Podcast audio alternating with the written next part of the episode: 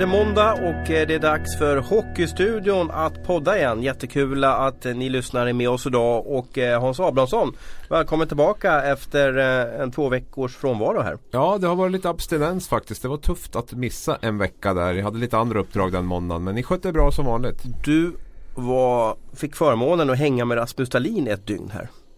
Ja det stämmer. Jag var nere där och, och hälsade på honom en stund. Hur var det? Ja, men det var trevligt. Det var trevligt. Jag vet inte hur noga vi ska gå in på de där detaljerna där innan vi har skickat iväg det. Men, eh, nej, men det, var, det var spännande faktiskt. Och det var en del, hel del saker där som, eh, som jag inte visste om honom tidigare som jag fick reda på nu. Det blir spännande läsning framöver på vår sajt. Och Mikael Tellqvist är här som vanligt. Ja, tack så mycket. Skönt att vara tillbaka. Hur var din helg? Vad, vad kommer du minnas ja, från den här helgen? Om, det hände om... ingenting sexigt alls i helgen utan vi var hemma och städade och försökte få ordning. Eh, vi har haft elektriker och och bygger hemma hos oss så det blir mycket städning. Så att, eh, nej ingenting så speciellt som har hänt. Så det är kul att vara här på måndag och prata lite hockey. Eh, för en vecka sedan så poddade vi, sen åkte jag hem. Eh, jag tror jag somnade halv tre på natten. För jag var så eh, speedad, uppe i varv, jag var nyfiken, jag var, var spänd inför det som skulle komma lite senare i veckan. För vi visste ju om det här Abris, du och jag. Vi visste ju om att det var ett brev på gång från några klubbar i Hockeyallsvenskan, eller sex klubbar i Hockeyallsvenskan då. Och det här skickades ju då på måndagskvällen till, till ishockeyförbundet och till eh, SHL. Eh, ska vi dra lite liten kort resumé Abris. Vad, varför skickades det här brevet för? Det skickades för att de här klubbarna någonstans känner att eh, från och med nästa säsong när det nya tv-avtalet tickar in och det kommer att bli en gigantisk skillnad i eh, centrala pengar eh, mellan SHL och Hockeyallsvenskan så upplever de att möjligheten att gå upp i SHL kommer att vara så minimal att det kommer att vara väldigt svårt att attrahera sponsorer och publik att liksom verkligen hänga med på det här tåget att nu ska vi gå upp i SHL för att eh, möjligheten är alldeles för liten. Och det du menar då att eh, Hockeyallsvenska klubbarna får ju 2,3 miljoner centralt avtal från, från Hockeyallsvenskan som organisation. Motsvarande belopp nästa år då från SHL till SHL-lagen är ju då 45 miljoner, cirka 45 miljoner. Eh, ska vi säga. Och då menar du Abels att man, man, med så mycket pengar kan man köpa sig en plats i högsta ligan? Så, så är det ju lite grann de uppfattar och det här, den här diskussionen som är nu att det går ju upp ett lag ändå varje år. har man sagt skillnaderna har varit ganska stora tidigare. Eller de har varit stora rättare sagt mellan eh, SHL och Hockeyallsvenskan tidigare också. Men det är klart att någonstans finns det ju en gräns för hur, du, hur mycket pengar det kan skilja innan det här med nerver och Eh, mycket som står på spel slår det här med ändå kvalitet som finns i truppen. Och jag är ju ganska övertygad också om att den gränsen börjar liksom och, och börjar vi nå nu om det blir den här skillnaden på 20 gånger mer pengar. Det är en intressant situation med Oskarshamn också som har en massa Rögle-lån in, inlånade nu som leder deras poängliga, leder allsvenskans poängliga där med Elvenäsbröderna vad gör Rögle med dem om de skulle möta sitt kval till exempel? Det är också en mm. sån utveckling som har varit i Allsvenskan där det blivit mer och mer farmaklubbar. Till och med Karlskoga börjar låna in spelare från Örebro. Örebro av alla, precis ja. ja. Mm. Men de får väl inte spela va? Så är det väl? Inte så? Nej men så är det ju. Mm. Om, vi, om vi kommer i ett sånt läge där fler och fler klubbar börjar bli beroende av att de här SHL-lånen för att liksom vara med och vara en allsvensk klubb. Vi har ju Panten, vi har ju Oskarshamn, vi har Karlskoga som har börjat nu snart. Kanske Leksand och Modo också är där. Att de är den typen av lag som, som lever på lånade spelare från andra SHL-klubbar. Ja, jag, ser, jag ser det som att det, det kan aldrig vara fel när det kommer in mycket pengar i, i, i svensk hockey. Liksom. Det, Nej, och det tycker nog ingen. Så att säga. Innan, innan vi släpper in det mer Tellan mm. så, så måste vi bara backa tre avis här. Uh, det var ett ganska stort avslöjande av, av dig och mig det här. Hur högt upp rankar du det här avslöjandet? Eh, Nej men jag, jag, tycker att det är högt och det är för att jag tror att den här diskussionen kommer att vara otroligt viktig för svensk hockey. Om 10-20 år så kommer man att se tillbaka på det här tror jag på något sätt. Att då vi, vi ska inte slå oss själva för bröstet men att det blir en diskussion om det här. För hade det här fått fortgå i det tysta så är jag helt övertygad om att det hade funnits en enda vinnare i det här och det har varit SHL. Nu tror jag ändå att det finns en möjlighet att det ändå blir en diskussion kring det här och det handlar ju inte om, vi måste bara ta död på det här. Det är bra att det kommer in pengar i svensk hockey. Det är inte det det här handlar om och aldrig varit det det handlar om. Frågan är ju fördelningen. Hur ska det här fördelas och hur gör vi det som är bäst för svensk hockey på eh, på sikt. Och där är ju SHL det stora flaggskeppet. Det finns ju ingen annan som säger något annat. Och det handlar ju också om hur får vi SHL bättre? Och det är det den här diskussionen också handlar om. För SHL är ju beroende av att det kommer upp spelare underifrån. Från allsvenskan, från pojklag, från småklubbar, juniorled. Och där måste man ju titta lite bredare än vad man har gjort tycker jag. Mm. När du läste det här brevet eller de här artiklarna för, för snart en vecka sedan Tellan. Vad, vad kände du då? Nej, det är lite som jag var inne på här tidigare. Jag tycker bara först och främst att uh, Jörgen Linger har faktiskt gjort ett jättebra jobb när han har förhandlat fram de här pengarna. Definitivt. Och, det är ju Erik Strandmark som ska ja. hyllas också som är, som är ja, media, definitivt. rättighetsansvarig där. Deras ansvar är ju mot SHL-klubbarna, inte mot no no någonting annat. Eh, jag kan ju tycka att Svenska Hockeyförbundet borde tagit mer ansvar när det kommer in så mycket pengar. Men de, de kan ju inte, de kan ju inte, de har Nej, ju ingen rätt, de, de har ju gett bort den här rätten. De verkar ju ducka för det mesta liksom. De har, tar inget ansvar längre för, för utbildningar och, och sådana grejer. Så jag, jag tycker någonstans att Svenska Hockeyförbundet borde bli, på något sätt försöka bli starkare igen och sätta lite krav på just de här att de här pengarna som fördelas ut till SHL går till utbildningsbidrag och att de tar hand om sina juniorer på ett annat sätt. Att till exempel att eh, här i Stockholmsregionen att Djurgården måste ta ett större ansvar för alla de här mindre klubbarna också. När de får, mm. kommer in så mycket pengar. Så att det blir varje region får ta liksom mer ansvar för, för de pengarna som kommer in. Jag tänkte vi skulle ge lite konsumentinformation till, till våra lyssnare här bara så man får en helhet hur det funkar med svensk hockey. För Det är nämligen så att SHL då, eh, det är vår högsta serie. Sen har vi Hockeyallsvenskan under dess och eh, tidigare var det då alltså Svenska ishockeyförbundet som förhandlade om kommersiella rättigheter för de här eh, lagen. Man sålde reklam i, i mittcirkeln och i teckningscirklarna och man sålde den eh, nästan obefintliga tv-avtalet som fanns för 20 år sedan. Nu har det här förändrats så att Hockeyallsvenskan själv sitter och förhandlar med Viasat, eh, Bonniers och SHL gör samma sak, även Discovery kan ju vara med där. Uh, och tv-rättighetspengen har ju skenat iväg. Ni vet Champions League och Premier League och även SHL har ju fått ett fantastiskt avtal. Men, men det här skapar ju också en, en obalans i näringssystemet måste man säga. Och bara, jag bara undrar hur ska vi lösa det här så att säga. För att jag kan ju bara gå till mig själv. Hade jag förhandlat fram en bra bankränta eller någonting sånt där jag delar ju inte med mig av en lägre bankränta för då kanske jag får en, en, en sämre bankränta med någon annan. För jag, jag är ju självisk också och det, SHL måste ju vara självisk mm. i det här. De vill ju ge så mycket pengar till sina medlemmar, till sina 14 lag som, som de rår om. Då. Varför ska SHL ge mer pengar till Hockeyallsvenskan? Jag, jag förstår inte riktigt det där. För, för att det ska gynna SHL. Det är ju den diskussionen man måste ha igång. För någonstans i slutändan ska det ju också gynna SHL. Och jag tror att det är viktigt att man har den debatten. För jag tror inte att de alltid ser 10-15 år framåt i tiden. Utan jag tror de lever väldigt mycket här och nu under sin säsong. Och man vill ha ett så bra lag som möjligt. Man vill vara kvar i SHL. Och det gör ju också att besluten blir ju, blir ju ganska kortsiktiga många gånger i, i just SHL. Mm. Ja men jag skulle vilja se lite utlåningar som det är just nu. Sen får man väl skriva längre avtal att om det skulle bli så att man möts med varandra så, så får, man, får spelarna stanna kvar i de respektive klubbarna. Och just nu kan det mycket väl bli Rögle mot Oskarshamn i ett ja. kval. Så det blir spännande att se hur de man löser den. Man skriver liksom ett års dealer liksom redan på där. Så att, men, det är jättebra för de här yngre spelarna att få chansen att spela på A-lagsnivå också. Ja. Det, men det är en jättemöjlighet. Men, men jag tror det är en extremt viktig debatt. Alltså jag känner att jag brinner för det här och jag känner att det blir en extremt viktig debatt hur svensk ishockey ska Men vem ska lösa det? Vem ska liksom... Ja men det måste ju bli en diskussion och det måste ju de här, alltså det måste ju vara en dialog, en diskussion. Men jag tror att SHL har ju gjort det otroligt bra från liksom det här tv-avtalet. Man fick rätten till de här tv-avtalen. Samtidigt har man ju också, dels SHL har gjort det och sen har de här organisationerna gjort det själva. Man har försvagat sig själv. Både Hockeyallsvenskan och Svenska ishockeyförbundet har försvagat sig själv. Man har hamnat i en förhandlingsposition där SHL har kunnat diktera villkoren fullständigt och man har gjort det och det skulle du ha gjort och det skulle jag också ha gjort. Så det är ingenting att säga om det.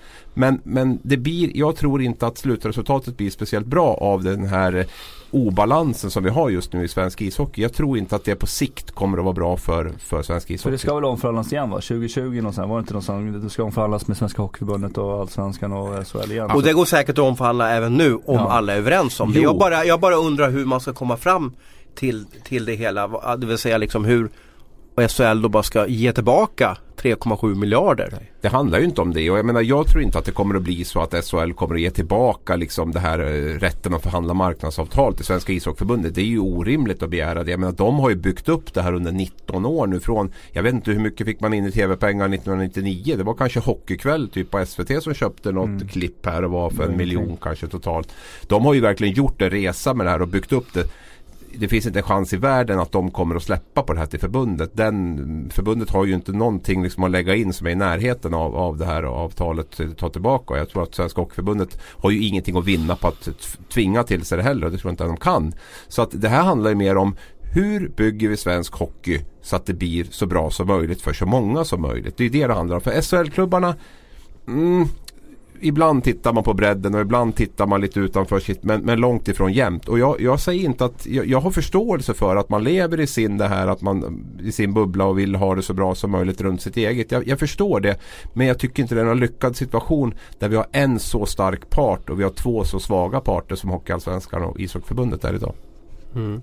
Härligt att se det här. Jag tänder till. Det. Ja, men jag, jag, jag brinner för det här. Jag brinner för det här. Och jag tror, och det, för att jag tror att det är viktigt. Och liksom det här med media också är viktigt att säga att en av våra viktigaste uppgifter är ju att väcka debatt. Det mm. handlar ju inte om att man tycker på ett sätt. Bara för att Thomas och jag skriver om en sak så mm. betyder inte det att vi tycker på ett speciellt sätt. Sen har vi ju krönikörer som har en åsikt och tycker saker och så. Men våran uppgift är att lyfta de här frågorna.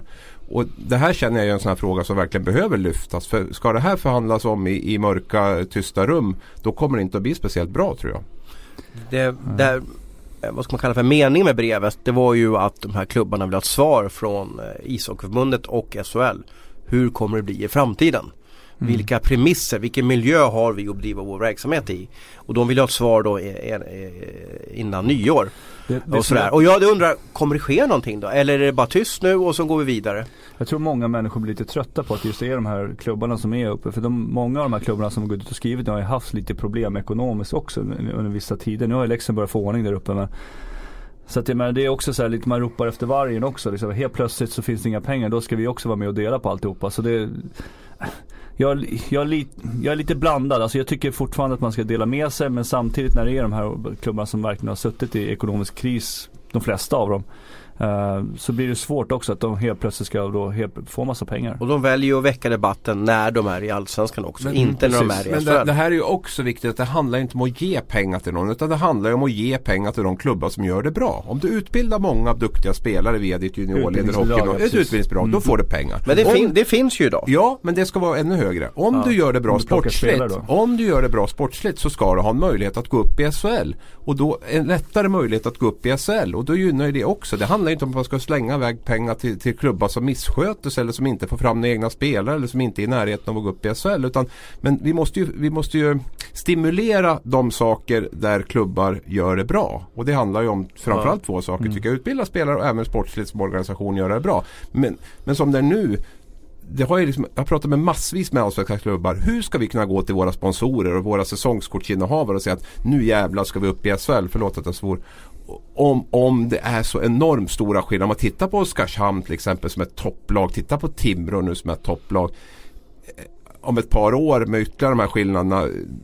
Jag tror det blir otroligt svårt att, att matcha ett SHL-lag i ett kval. Även om det blir nervöst och, och sådär för ett SHL-lag. För de här lagen är ju, vi är nere på en kvalitet nu. Det, som jag säger, Oskarshamn de har ju lånat in halva sitt lag nästan. Mm. Men, men äh, ähm, brevet om vi bara summerar lite med brevet här. Så de, eh, de sätter ju lite hårt mot hårt. De vill ju att okej okay, blir det ingen förändring så kanske de stänger ner juniorlaget. De kanske stänger ner sitt damlag då. De här sex klubbarna som har skrivit det här brevet. Alla har ju då lag i, eh, eller de flesta i alla fall har lag i högsta serien i, i STHL. Mm. Um, men tror att den kommer göra, är det tomt hot där? Eller kommer de, kommer de, de pratar ju till och med också att spela lite egna matcher utanför eh, seriesystemet, ishockeyförbundets seriesystem. Är det bara tomt hot eller kommer de, kommer de verkligen sätta ner foten? Nej, vi har fått nog. Nej, jag utesluter inte det. Om man tittar på Leksand också så sitter med en egen arena som kostar jättemycket pengar. Jag tror att de måste, och dessutom har 6 miljoner in i år från den här eh, fallskärmen som man har fått. Så jag tror att de kommer att liksom behöva skära rejält i sin verksamhet. Och då tror jag att de här två verksamheterna är två saker. Damlaget och juniorverksamheten som man kommer att titta extra på. Runt 6 miljoner per säsong kostar det ungefär med damlag och juniorlag. Det är ungefär den kostnaden de har. Leksand spelade väl med sex juniorer i, i sitt A-lag ja, här förra veckan. Så absolut. Det måste ju ändå ge någonting också till laget då. Det gör det ju. Så länge man har råd att driva det så är det ju, är det ju fantastiskt. Men, men hamnar du i ett läge där du där pengarna helt enkelt inte räcker till och där sponsorerna säger att nej men nu, nu får det vara bra liksom. Och, och där kommunen inte är beredd att hjälpa till med arenan och eh, där eh, supportrarna till slut känner att nej men det här med SHL kommer vi inte att nå. Liksom. Ja. Och det är ju som att titta på Leksands budget till nästa säsong. Jag skulle kunna tänka mig att de två första femmorna i princip försvinner om man plockar bort. Och då, då pratar vi liksom Martin Grönberg, Martin Karlsson, Jon Knut sin första kedja ungefär. Det är där någonstans vi ligger och det är ju spelare som jag som jobbar hårt och sådär för laget. Men, men ändå gick den Mora upp. handlar om. Mora gick upp. Mora gick upp, absolut. Men då mötte man också ett Leksand som var ganska Trasigt. försvagat. Och, och dessutom var ju det här innan TV-avtalet, nya TV-avtalet. Alltså skillnaden som kommer att bli nu är ju, är ju gigantisk. Det måste vi ändå kan säga. bli 12 till 15 miljoner per år då som, Ja. som skillnaden är, som Ja. ökningen är då. Och åker inget lag ur nu så blir det ju ingen fallskärm heller som kommer att be- betalas ut till något lag. Utan då får man ju behålla alla pengarna också. Mora får ju behålla, behöver ju inte betala ut de här 6 miljonerna. Plus att man kanske får in 10 miljoner till nu i TV-avtal. Då är Mora också uppe på en budget på 35 miljoner. En spelarbudget Mm. på 35.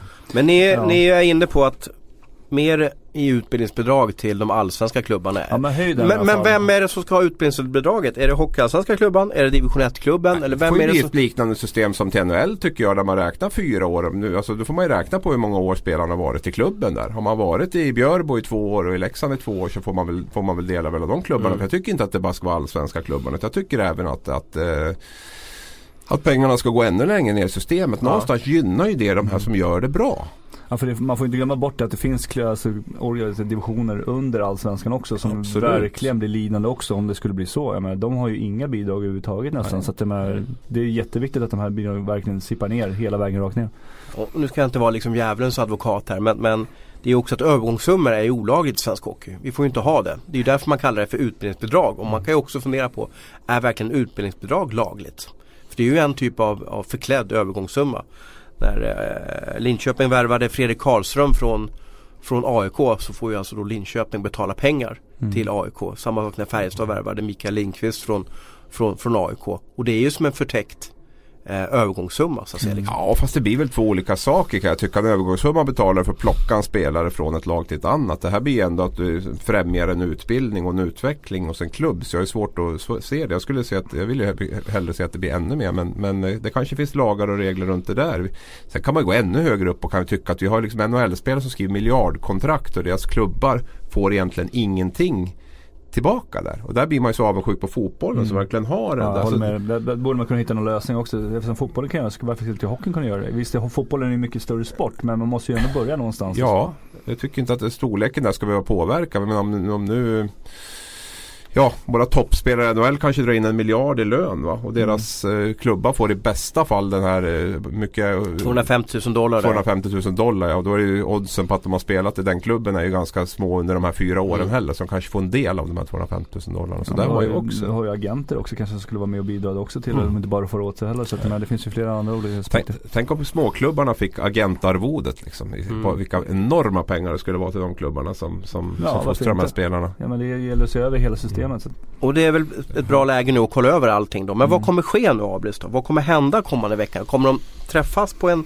Finlandsbåt eller kommer de ha, hyra ett stort konferenscenter och sätta sig två dagar och bara gå igenom det här, alla inblandade parter och det måste ju vara SHL, Hockeyallsvenskan Eh, och SIF då, Svenska ishockeyförbundet. Eller vad, vad kommer ske nu? Ja, det jag tror är fördelen är att man ändå känner någonstans att man har lite ögonen på sig nu. Liksom, att det här går inte bara att vi, för det är lite så det har varit känner jag de senaste åren. Att man har förhandlat centralt med Hockeyallsvenskan och vi har så bra dialog och det fungerar så bra. Men någonstans har ju Hockeyallsvenskan hela tiden hamnat i ett läge som inte har gynnat dem. Och nu tror jag någonstans att både ishockeyförbundet och Hockeyallsvenskan känner också en press tror jag att nu måste vi, nu måste vi också försöka liksom bygga vårat, bli starkare och kanske försöka sätta lite större krav. Plus att SHL känner också att ja, men vi, har, vi har ögonen på oss. Den här uppgörelsen som kommer att bli nu, det här avtalet runt utbildningsbidrag, hur kommer kvalsystemet att se ut? Hey, I'm Ryan Reynolds. Recently, I asked Mint Mobile's legal team if big wireless companies are allowed to raise prices due to inflation. They said yes. And then when I asked if raising prices technically violates those onerous two year contracts, they said, What the f are you talking about, you insane Hollywood ass? So to recap, we're cutting the price of Mint Unlimited from $30 a month to just $15 a month. Give it a try at mintmobile.com slash switch. $45 upfront for three months plus taxes and fees. Promo rate for new customers for limited time. Unlimited more than 40 gigabytes per month. Slows. Full terms at mintmobile.com.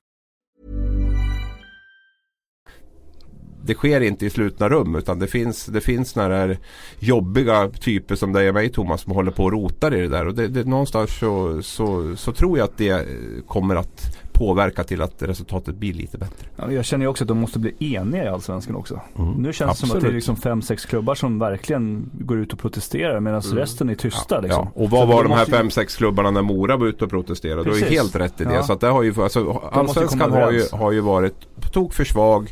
Det har varit undermåligt skött. Man har skrivit avtal. Jag vet inte med Svenska Spel skrev man något avtal där när man visste att spelmarknaden skulle avregleras. Alltså det, det har skötts jättedåligt och det ser man ju svaret på nu. Och det är en situation som SHL har utnyttjat. De har mm. utnyttjat, förbundet har varit svagt efter de här misslyckade hemma-VM. Ekonomiska kris, Hockeyallsvenskan har inte gått i takt, har gjort jättedåliga avtal, varit splittrat. Och det har man utnyttjat SHL och det eh, man har inte gjort något, något, fel egentligen. Sen kan man väl liksom diskutera moral och sånt i det. Men, men, men SHL har inte gjort ett dugg fel. Och viktigt också med Jörgen Lindgren har ju blivit någon symbol för det här. Jörgen Lindgren utför ju det klubbdirektörerna i de här 14 klubbarna mm vill. Han är ju en marionettdocka, ja, precis. Exakt och han får ta skiten. Och jag vet ju att det finns väldigt starka klubbledare i SHL som, som, som driver de här frågorna som, som Jörgen ska uh, stå och fejsa och liksom få skiten för. Så att uh, det finns fler om man nu ska hänga ut eller hylla eller vad man nu ska göra i SHL så är det ju definitivt inte, inte Jörgen Lindgren som, som ensam ska stå där. Vad, Tellan, vad säger du? Nu har vi pratat, vi är i alla fall överens om i rummet att, att det är bra om det kommer, kommer ner mer pengar i, i systemet. Det vill säga liksom mot Hockeyallsvenskan och division 1. De här klubbarna har varit inne på att man kanske ska utöka SHL till kanske två gånger tio lag. En, en, en SHL Söder och en SHL Eh, nord då, eller norra serien då. Vad, vad känner du om de tankarna att utöka vår högsta serie? Nej, jag, jag gillar ju det. Jag vill ju få upp de här klubbarna som är storlag i Allsvenskan. De mm. drar ju mycket publik. tänk om Pantern och Oskarshamn går upp då?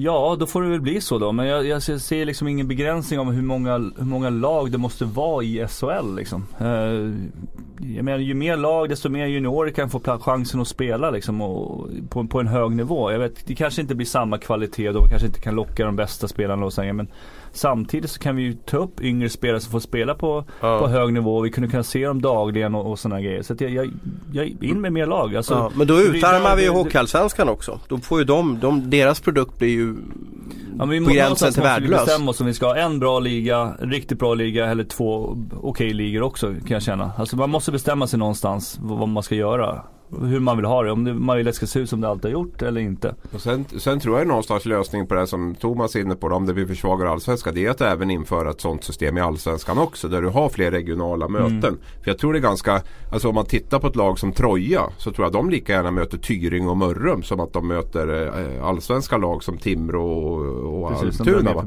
Så skapar, på den tiden, mm. jag är så gammal, på den tiden jag spelade hockey var det ju fyra division 1-serier under, under mm. SHL. Där, eller elitserien som det hette då. Med en västra, norra, östra Östra och så, ja, de fyra. Och det vart ju jättemycket derbyn, rivalmöten. Hela den här södra serien som jag spelade i var ju liksom, det var ju, det var ju rivalmatcher nästan hela tiden där mm. med, med, med mycket Skåne, Småland, Blekinge, de lagen där. Så att eh, det kan jag sakna lite grann. Det talar ju för det här som, som Tellan pratar om med, med, med, att utöka kanske med två gånger tio lag. Det är att vi skulle kunna få flera möten som, som engagerar folk och där det är lättare att resa till bortamatcher Precis. för fans och allt det här. För att men du har ju Timrå och Björklöven, alltså det är som mm.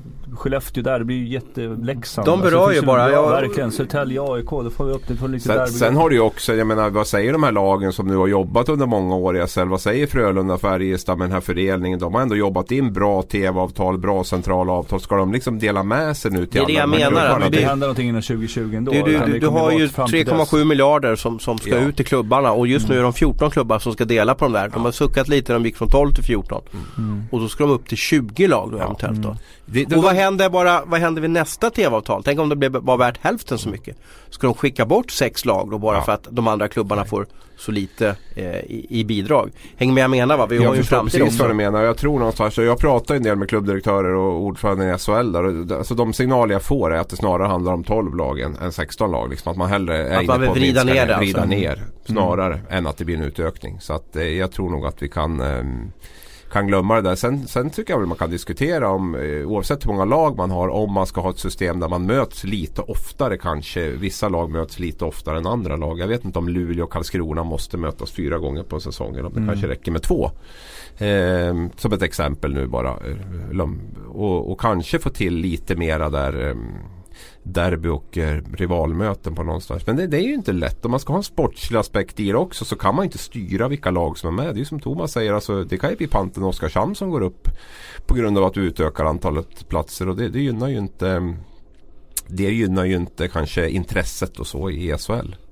Ser vi på SHL just nu så ligger alltså Rögle och Karlskrona längst ner. Mm. Eh, vilka klubbar säger Abris hade varit jackpot för SHL att få upp om, om de här klubbarna åker ur? Leksand och Leksand va? Leksand och Leksand. Nej men Leksand är ju en klass för sig. Det är ju inget snack om det. Alltså det är Lex, först kommer Leksand, sen kommer ingenting alls. AIK kan man prata om absolut. Intresset för Djurgården. Men vi har ju följt AIK under några år i SHL och det har inte varit jättehett om vi ska vara helt ärliga från publiken där.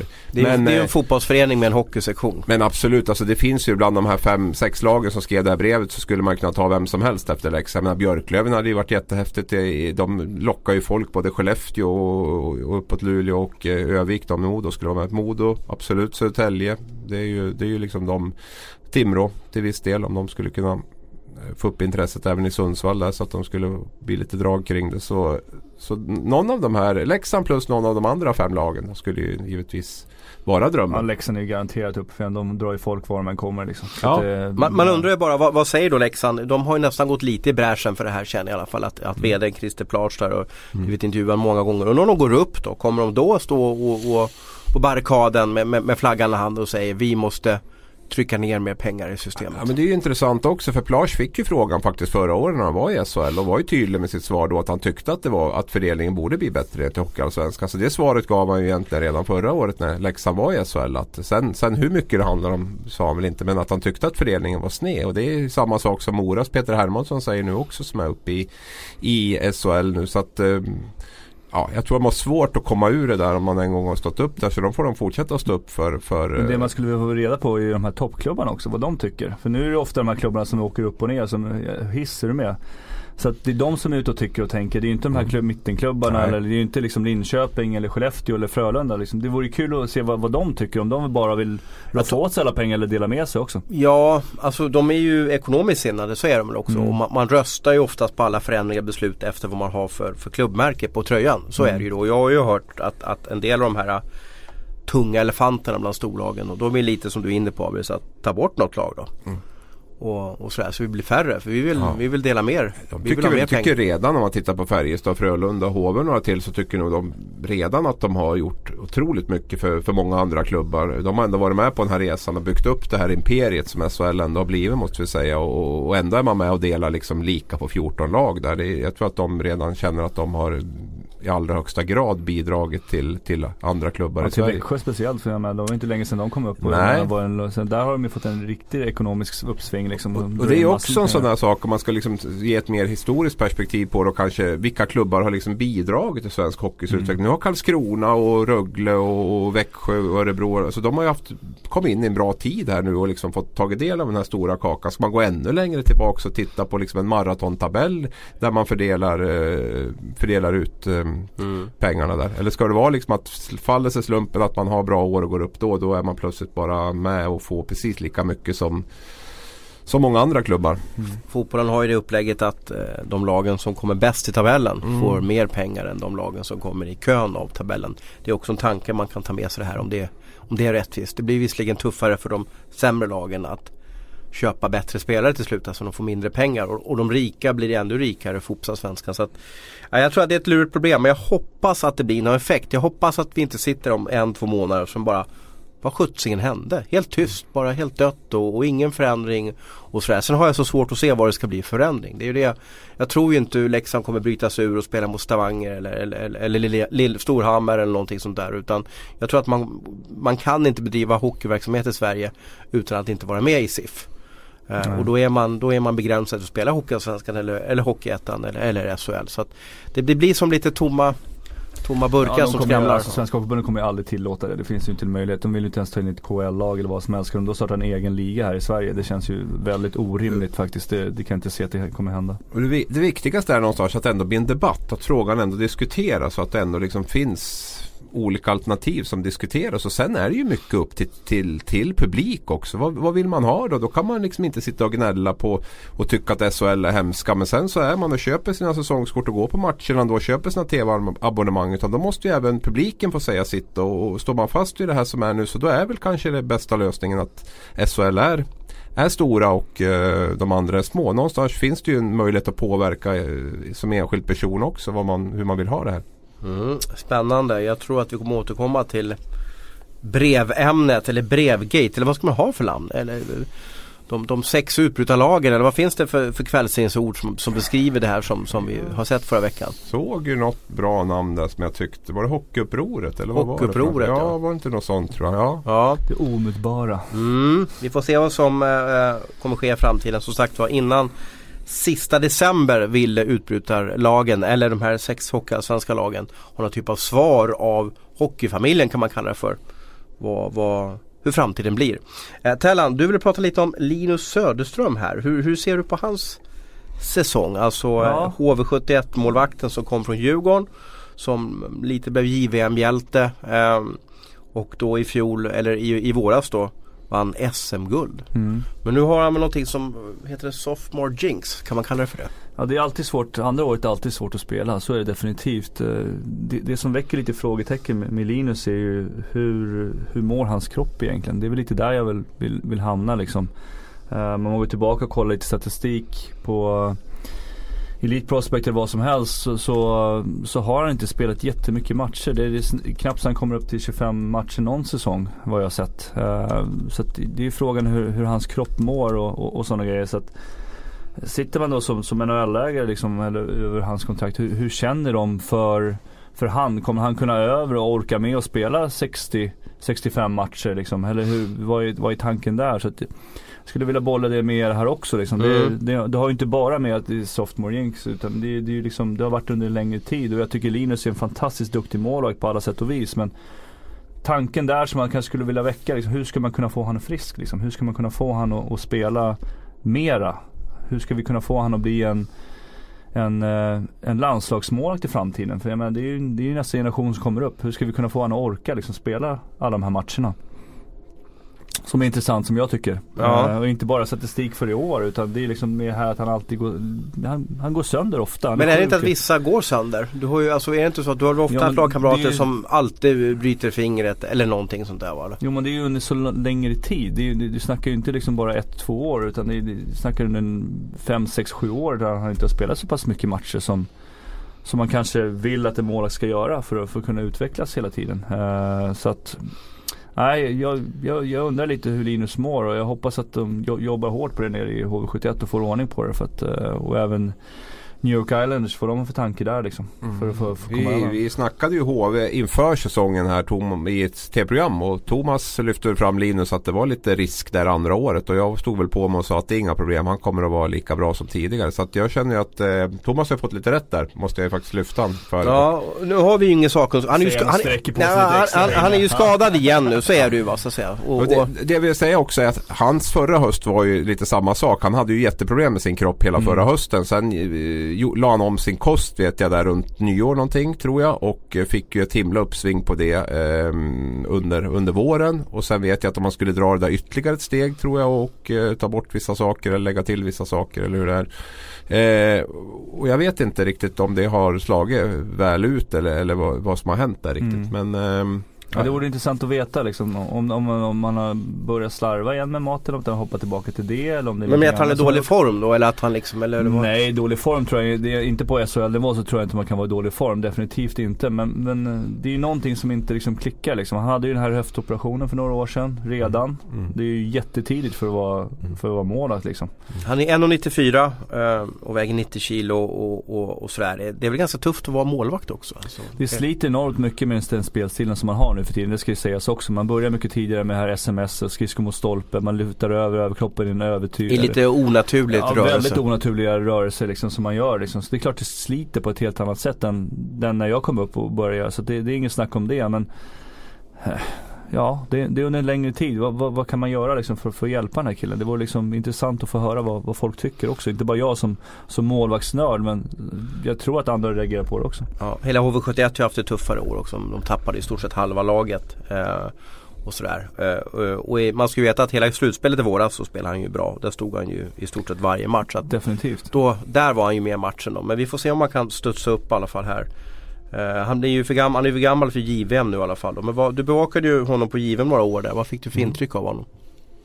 Nej men en eh, lite, lite annorlunda kille är det ju definitivt. Väldigt bra att ha att göra med tycker jag. Tävlingsinriktad, eh, hatar att förlora. gilla skarpt läge på något sätt fick jag intrycket av. Liksom spelade ändå under rätt stor press där borta och gick in och gjorde det bra. Så det, det är ju det, är det intrycket jag har av, av, av Linus från det. Vad säger du Tellan, vad ska jag göra? Är det att liksom köra stenhård fys? Eller att liksom spara kroppen som han kanske på något sätt gör nu när han spelar så få matcher? Eller, eller hur gör han för att komma förberedd till NHL nästa säsong? För det måste ju vara det som är hans dröm. Ja, så är det ju. Alltså, jag kan ju prata rent generellt. Jag tycker att eh, målvakter rent generellt nu för måste börja bygga på sig lite mer muskler också. Att man liksom inte bara kan vara lång och smal eller vad som helst. För att just det här med att det sliter så mycket på kroppen. Att du måste ha starka muskler för att kunna orka med det målvaktsspelet som är nu för tiden också. Den pressen, du måste vara mycket mer förberedd än vad du var förut. Alltså konditionsmässigt. Eh, men var inte rädd för att göra samma saker som utespelarna gör. Jag, jag, tror att det är bra, en variation. Att man kanske inte bara tränar på, på muskler som är just i de här rörelserna eh, inom målvaktsspelet. Man, man, alltså man tränar andra muskler också som blir starka. Liksom. För att, tränar man samma muskler som man, utanför isen som man använder på isen så sliter man ju enormt mycket på kroppen. Men du, alltså det är ju det som är så bra med Hotellan här. Du har ju sett Linus spela i år, jag är mm. övertygad om ett antal mm. matcher. Mm. Alltså vad, vad, får du för känsla? Är det, är det tekniskt inte stämmer? Är det att inte kroppen orkar? Eller är det mentalt att han inte... Vad ja, känner det, du? Det är svårt att säga om, om, om, om kroppen inte är så mentalt sådär. Men jag kan känna att han är lite mer fladdrig i år än vad han var förra året. Han, Och vad beror det på? Ja, det kan bero på massa olika saker. Det kan ju vara någonting som inte stämmer. Han är ju väldigt noga med sin utrustning, han är väldigt noga med sin träning sådär med att han liksom att allting ska vara perfekt hela tiden. Det kanske är någonting annat som inte stämmer utanför isen då. Det kan vara någonting sånt. Uh, ingen aning faktiskt. Ja, det har jag dålig koll på, det ska vara riktigt ärligt. Men Sen ska man veta, det har gått, väldigt, gått väldigt snabbt för honom också. Han är 21 år, Så är det. JVM, SM-guld, NHL-kontrakt. Mm. Väldigt mycket fokus också på mm. honom. Inte bara som, som hockeymålvakt utan även som, som eh, som person, som privatperson. Han har varit väldigt öppen hur han mår och hur mm. Vilket han ska ha väldigt mycket cred för, för han har ju banat vägen för väldigt mycket andra Men kan inte det ta energiläckage också från det hela? Att det kan vara svårt att få ihop det? Ja, paketet. han kanske vill så mycket för alla andra och glömmer fokusera på sig själv. Så kan det definitivt vara. Men om jag tittar på, på målvakten Linus nu så, så, känner jag liksom just att han, han hamnar lite ur position ibland. Han fladdrar lite för långt. Förra året så kändes det som att det var liksom han gick ner, fick stopp på grejerna, pucken träffade han mitt i bröstet. Nu när han gör räddningen så känns det som att han är ute och fladdrar lite grann kan jag tycka.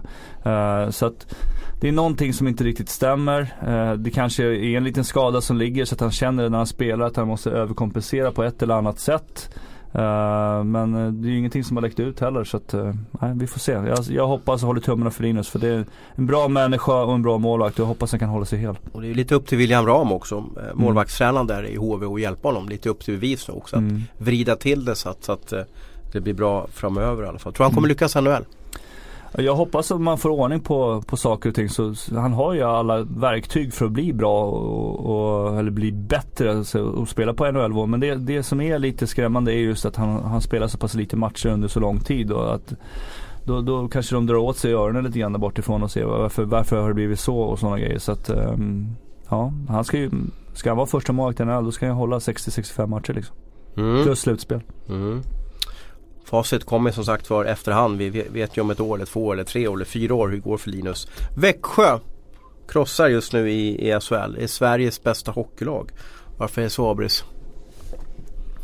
Ja det är också en bra fråga Thomas. Jag satt och kollade lite grann på de här i, i, i lördags mot Mora. Jag zappade mellan matcherna där. Men de spelar med ett grymt självförtroende nu. Det spelar ingen roll vilka spelare de har borta känns det som heller. Jag tror de hade sex riktigt bra spelare borta mot Mora. Och man gick in bara och monterade ner Mora. Och, och liksom det var det var, det var imponerande att se på sitt sätt. Nej men just det där att man, man har fått ihop bitarna på ett väldigt, väldigt bra sätt. Och eh, Växjö brukar vara trögstartat på hösten också. Jag hade lite frågetecken inför säsongen och tyckte väl, ja jag brukar tippa Växjö högt men i år, jag vet inte, det kändes lite sådär. Men eh, Eh, de, de, de, de, eh, de har verkligen hittat någonting där och Robert Rosén har liksom fått växt till liv igen. Elias Pettersson har ju kommit in som Jag hade inte drömt om att han skulle spela så bra. Jag visste att det var jättebra spelare men inte så här bra.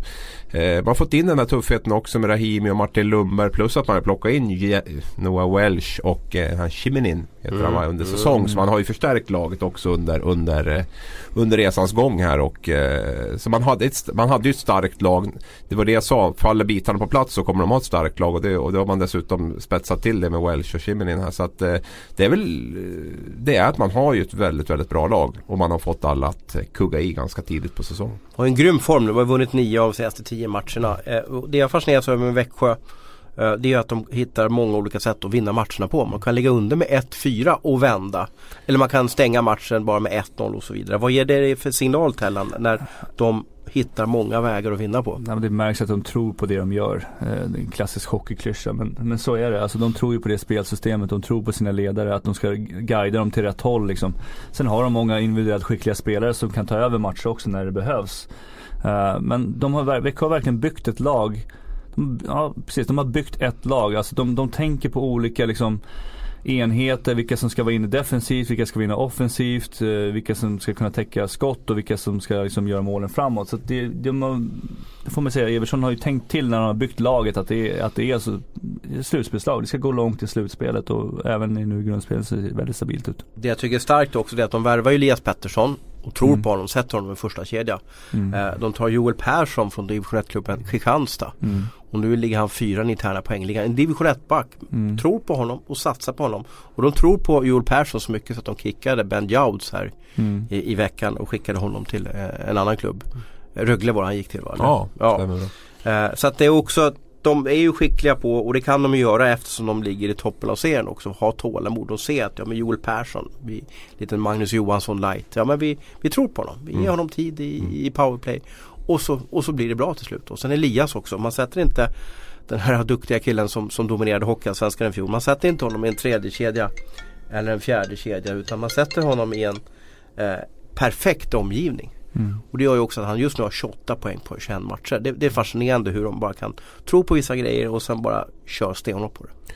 Sen är ju, jag tycker det med Växjö som jag har känt under alla år att de är väldigt duktiga att få matchbilderna dit de vill. Det är inte det liksom flashigaste laget, inte det snabbaste laget. Men, men på något sätt så får de alltid, de, de, klarar av att styra matchbilderna väldigt mycket så att det blir väldigt mycket på deras villkor. Jag vet inte, ni har ju mött dem mycket mm. och sådär. Jag vet inte hur du känner det. Men... Nej men de känns aldrig stressade. De kan hamna i underläge eller vad som helst. De, de jobbar på med sin grej som jag sa här tidigare. Liksom. De, de tror på det de gör och hamnar de i underläge 3-4 eller ibland till och med 4-1 eller vad som helst. Så, så de bara kör. Det är som en maskin som bara tungar på liksom.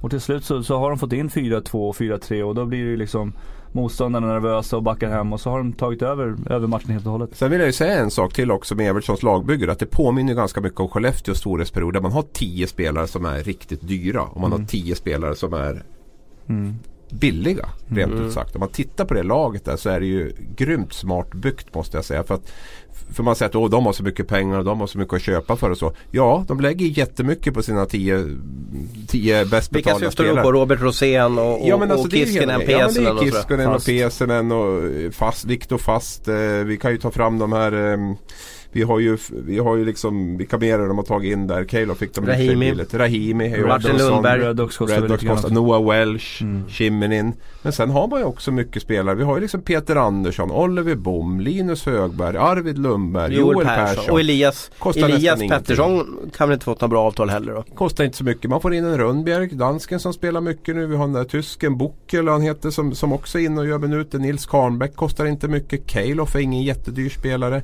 Tror inte att de fick pröjsa ganska bra för honom. Kalof var ju extremt billig när han kom till Sverige och jag fick upp sin lön rejält i Skellefteå men fortfarande relativt billig och kom i ett läge där han inte hade gjort någon bra säsong heller. Visst han kostar lite grann men inte jättedyr. Pontus Netterberg är en annan sån som, som, som inte heller kostar. De här är ju inne och spelar nu. Mm. De har ju liksom Pesenen och Kisken och de är borta och då fyller de ju på med den typen av spelare. Adam Brodecki också en jättebillig spelare. Så att eh, smart byggt. Ja. Mm. Tror du att Frölunda eller Växjö skulle vinna SM-guld inför säsongen? Oj, jag tippar Frölunda skulle vinna serien. Okay. Men hur sjutton var jag tippade? Jag tror jag hade Frölunda-Växjö final. Mm. Men jag kommer inte ihåg vilket lag. Jag lär gå tillbaka och kolla i, i, i guiden där. Jag brukar ju gilla Jag brukar ju hålla Växjö högt. Så att, eh, jag säger väl att jag tippar Växjö, to, Växjö som guld. Jag hade ju faktiskt Frölunda-Växjö final förra året också måste jag säga i tipsen. Så att eh, ja något av dem tippar jag vinna SM-guld i alla fall. Mm. Vad säger du Tellan? Är, är Växjö det laget som just nu ja, är favorit för att ta Matte? Det, är väl inget snack om det. Det behöver inte vara någon, någon eh, professor för att lista ut det. Jag tycker de ser grymt starka ut på alla fronter. De är två bra målvakter. Eh, backmässigt också återigen bra. Forwardsmässigt bra. Ledarmässigt bra. Så att jag menar det finns det finns väldigt mycket bra personer på alla platser skulle jag säga. Även som sagt var i båset med med Sam och Jörgen och eh, målvaktstränare med Andreas Andersson och hela biten. Så att det finns, de har gjort det väldigt bra liksom. Det, det, det är proffsigt eh, rakt igenom. Och det tangerar lite med det här brevet vi pratade om också att de kom ju in i högsta serien mm. i helt rätt läge. Man hade lite tur också att, att nya hallen var på gång och stod klar när man, när man kom upp till, till högsta serien. Sen har de en kommun som står väldigt starkt bakom dem också. Nu finns det ju inga andra liksom, eh, toppsporter just nu då. Eh, det är väl Öster som är på vad ligger, division de ligger i men ja, Innebandyn är stor där också. Ja, jo i och för sig det är det ju men det är ju inte samma kapacitet ändå som, som, som Växjö. Så att kommunen går in med väldigt mycket pengar också naturligtvis men, men de gör det bra där nere. Det, det, det är häftigt. Måste ju säga det att de har gjort otroligt bra första tre åren. Jag tror de spelar semifinal tredje året. Ja. Om vi jämför det med Karlskronas resa till exempel. Då, va? Som också har varit tre år nu i, mm. i SHL. Eller Rögle som Eller Rögle va. Mm. Så att jag menar de har, ju, de har ju verkligen liksom tagit den här chansen och förvaltat det på ett otroligt bra sätt. Och jag har ju varit, jag har ju varit väldigt pro Växjö under de här åren och fått mm. en del skit för det. Nu har man ju till och med en juniorverksamhet som, som levererar spelare upp. Och man har varit uppe i 6-7 år nu i SHL någonting sånt. Jag tyckte att de kopierade lite det, det Linköping gjorde för massa år sedan. Mm. Linköping kom ju upp också i högsta serien och då visste de så att nej vi kan inte ha, vi, eller rätt sagt vi har ingen bra juniorverksamhet som kan föda vårt A-lag med spelare utan vi får köpa in spelare. Mm. Och det gjorde de ingen hemlighet med. Linköping värvade Thomas Johansson och Mårtensson och, Weinhandel och mm. alla de här då. Och Växjö har gjort samma sak också. De måste ju, måste ju, måste köpa oss till en plats i SHL. Det var ju så de tänkte. Mm. Nu är de där. Nu kan de börja satsa på lite juniorverksamhet mm. och så vidare. Va? Eh, men eh, smart, smart, smart och dyrt gjort men det har gjort att de just idag är en maktfaktor i svensk hockey. Ja, och det är ganska billigt att inte göra det bra också. Man tittar, alltså, det, det, det, kostar att inte göra det bra. Men så, lägger du in pengar och lyckas så, så, får du ju tillbaka mycket av det där med att du går långt i slutspelen och drar in. För det är där pengarna ligger i SHL. Det är ju slutspelen. Gå långt i slutspelen. De andra lagen går i bästa fall plus minus noll. De mm. som går riktigt bra plus det är semifinal och finallagen. Mm. Um, jag var ute på en liten roadtrip i slutet av förra veckan. Uh, åkte ner i torsdags till Karlskrona och skulle kolla på en uh, streckmatch där, Karlskrona mot Brynäs då. Eh, och det här blev ju till slut att, att eh, Brynäs vann den här matchen. Eh, men det, vi, det jag fascinerades av på den matchen eh, och även som, som du hörde av dig i morse Tellan tyckte det var lite kul att det var mitt under matchen, mitt, mitt när matchen pågår så börjar de liksom göra annonser och PR och marknadsföring inför kommande match. För de möter nämligen Karlskrona-Färjestad. Och, vet ni vad de hade som dragare inför Färjestad-matchen? Det, det, var inte Mattias Karlsson eller eller Marcus Paulsson eller, eller någon av målvakten utan då gjorde man kom och se Dick Axelsson spela hockey. Ja det är som man blir mörkrädd alltså. Om man ska vara ärlig. Alltså, jag vet va, inte va, har man, har man dåligt självförtroende eller vad, vad beror det här på? PR-avdelningen ska väl inte vara kvar kan jag tycka liksom. Man måste ju sälja in sina egna spelare. Varför ska man liksom, är det så pass illa så de måste sälja in andra spelare? Det, liksom, det, blir, det blir nästan ett skämt. Men hur skulle du känna om du stod i mål för Djurgården och så kikar du upp på, uh, ja man kallar det för mediakuben, en, en mediakub av ganska lågt mm. mått och så stod det Kom och se Joakim Lindström möta Djurgården på Hovet nästa lördag. Ja, jag skulle bli fly förbannad faktiskt. Jag, jag, tycker det är respektlöst mot sina egna spelare om jag ska vara riktigt ärlig. Men det är väl för att de inte har några profiler heller i laget, eller hur? De har ju inte ja, de här riktiga... Då får man väl skapa profiler, det är väl det som är hela grejen. Då får man väl bygga upp någon. Jag menar, du har ju massor med spelare som, som gör väldigt bra jobb där. Jag menar, spelare som varit där under en längre tid eller vad som helst. Jag menar, Johannes Jönsson han står på huvudet varenda match de spelar. För att bygga upp honom liksom. Eller vad som helst, Guter eller vem det nu kan vara. Jag menar, man måste ju skapa profiler också. Jag menar, för att dra liknelse så nu, nu är Toronto en väldigt mycket större marknad än vad Karlskrona är. Men i Toronto så hade vi ju spelare som egentligen inte var så pass bra hockeyspelare. Men de byggdes ju upp på ett eller annat sätt. Att de syntes i media eller vad som helst. Alltså, jag menar, tanken blir om du, om, om du får se mig i tidningen varenda dag eller vad som helst. Så till slut så tror du ju till slut att ja, han måste ju vara bra liksom. Även fast du inte är intresserad. Det är ju mm. här som är grejen. Alltså du måste ju Ja, jag vet inte Stora veper med, ja, med, bilder jag, och sådär det är Jag så... tycker det är så sjukt oproffsigt. Alltså, jag, jag, Abris du får hjälpa till här och säga någonting. Nej, men, men, jag, jag, jag tycker det är underbart. Det bara bubblar i Tellan. Ja, jag, jag, jag upprörde över avtalen här. Men, ja, så, så, så är det men om du bodde i Karlskrona skulle du gå och betala för att eh, se Dick Axelsson spela hockey, alltså en motståndare. Alltså skulle den, funkar den PR-grejen för dig? Ja, jag kanske säger mer om Dick än om Karlskrona här egentligen. Hur stor han är i, i SHL egentligen. Man, han blir den här stora marknadsföringsgrejen. Nej men jag, jag skulle nog gärna betala för att se Dick Axelsson. Det är nog det, han ligger nog topp tre av de spelare jag skulle, skulle betala för att gå och titta på i SHL. Jo, Ja. ska inte, alltså det är ju skillnad Nej. att betala och, är du med? Jag förstår Ja. precis vad du menar. Och du är en neutral hockeyälskare men Ja. om Jo, du men- sätter på en Karlskrona-sjal då skulle Ja. du liksom Ja just det, Dicken kommer hit. Ja men då måste Ja. jag köpa fyra biljetter. Alltså det blir ju symbol, symboliken i det som blir problemet. Det är väl klart att det är, alltså, är man supporter och gillar hockey, gillar Karlskrona så skulle man väl tycka att det var kul att gå och, och kolla på, på Dick. Det tror jag absolut. Men, men det blir ju symboliken i det när man liksom under sin egen match flaggar för att en motståndare kommer på besök nästa gång. Liksom, det är det som blir väldigt eh, eh, lite förnedrande mot det egna laget kan jag tycka. Ja och mot egna spelarna. precis, så, precis, jag kan tänka mig när man är spelare också så bara jaha okej nu var, var kul inte oss men vad utan betyder jag för organisationen om de ska Precis. liksom hänga upp mig liksom? Eller också Men- kanske de marknadsför sina egna spelare i 20, vad blir det, 26, 25 hemmamatcher då per år och så kör man Dick en då. Det kanske inte är fel Mm, heller. Vi kanske hade otur och, och, och att det Ja, man fastnade kanske just tröttnat på sina egna där. Man kanske inte finns några fler. Man har liksom... Men hör nu ni låter själva nu. Jag bara, jag bara, bara Karlskrona. försöker, nej vi försöker bara ta det från, från olika perspektiv här. Ja. Men, men eh, nej men du har väl Du har väl sagt det som bör sägas om den där Ja, saken. bra. Skönt. Mm. Bara, eh, en liten anekdot, jag var ju där. Jag, jag tycker om Karlskrona. Det, det är en vacker stad och så vidare så att säga. Men, men för första gången på herregud. jättelänge så fick jag, eh, fick jag faktiskt eh, Jag tog en macka på pressläktaren. Och så kommer en kille bakom mig och eh, verbalt attackerar mig. Och då säger han så här att mackorna är bara för, för pressen, arbetande press. Så att eh, han kände faktiskt inte igen mig den här presskillen. Det var lite Ja det var Lite- presskillen också. Ja precis ja. Ja, Så, okej. att, så jag var tvungen att visa legitimation där och, Ja. och sådär liksom då. Så att eh, det var lite, kändes lite speciellt för jag kände mig som en bov sa du där. att du var topp 50 mäktigaste Nej. va? Ja, Jag, sa inte så, jag bara, jag, jag kände också att Karlskrona kanske har en, de har en del att lära, det är ju så va liksom. Sen behöver folk inte känna igen mig men det var också, jag tycker det hör ihop lite med helheten. Man, man gör reklam för Dick Axelsson. Eh, jag som ändå har bevakat hockey i kanske 19 år nu så att säga och man har en presskille som inte känner igen så att säga. Sen kanske man inte behöver känna igen alla men, men Kanske har jag- problem med maxstölder, vet man Ja, jag inte. vet inte. Jag vet, jag reagerade på liksom. Mackorna är bara för press att lämna, lägg tillbaka när Mackan sa liksom. Ja det är hårda bud. Vad skönt för dig att få vara lite anonym för en gångs skull kanske. Ja, precis ja, precis ja. Vi måste ha större byline så att vi blir igenkända i alla fall. Du, eh, skönt att, att prata hockey med er. Skönt att, att jobba med er. Eh, nu tar vi måndag eftermiddag och måndag kväll och sen så laddar vi batterierna in till, inför nästa måndag och nästa podd.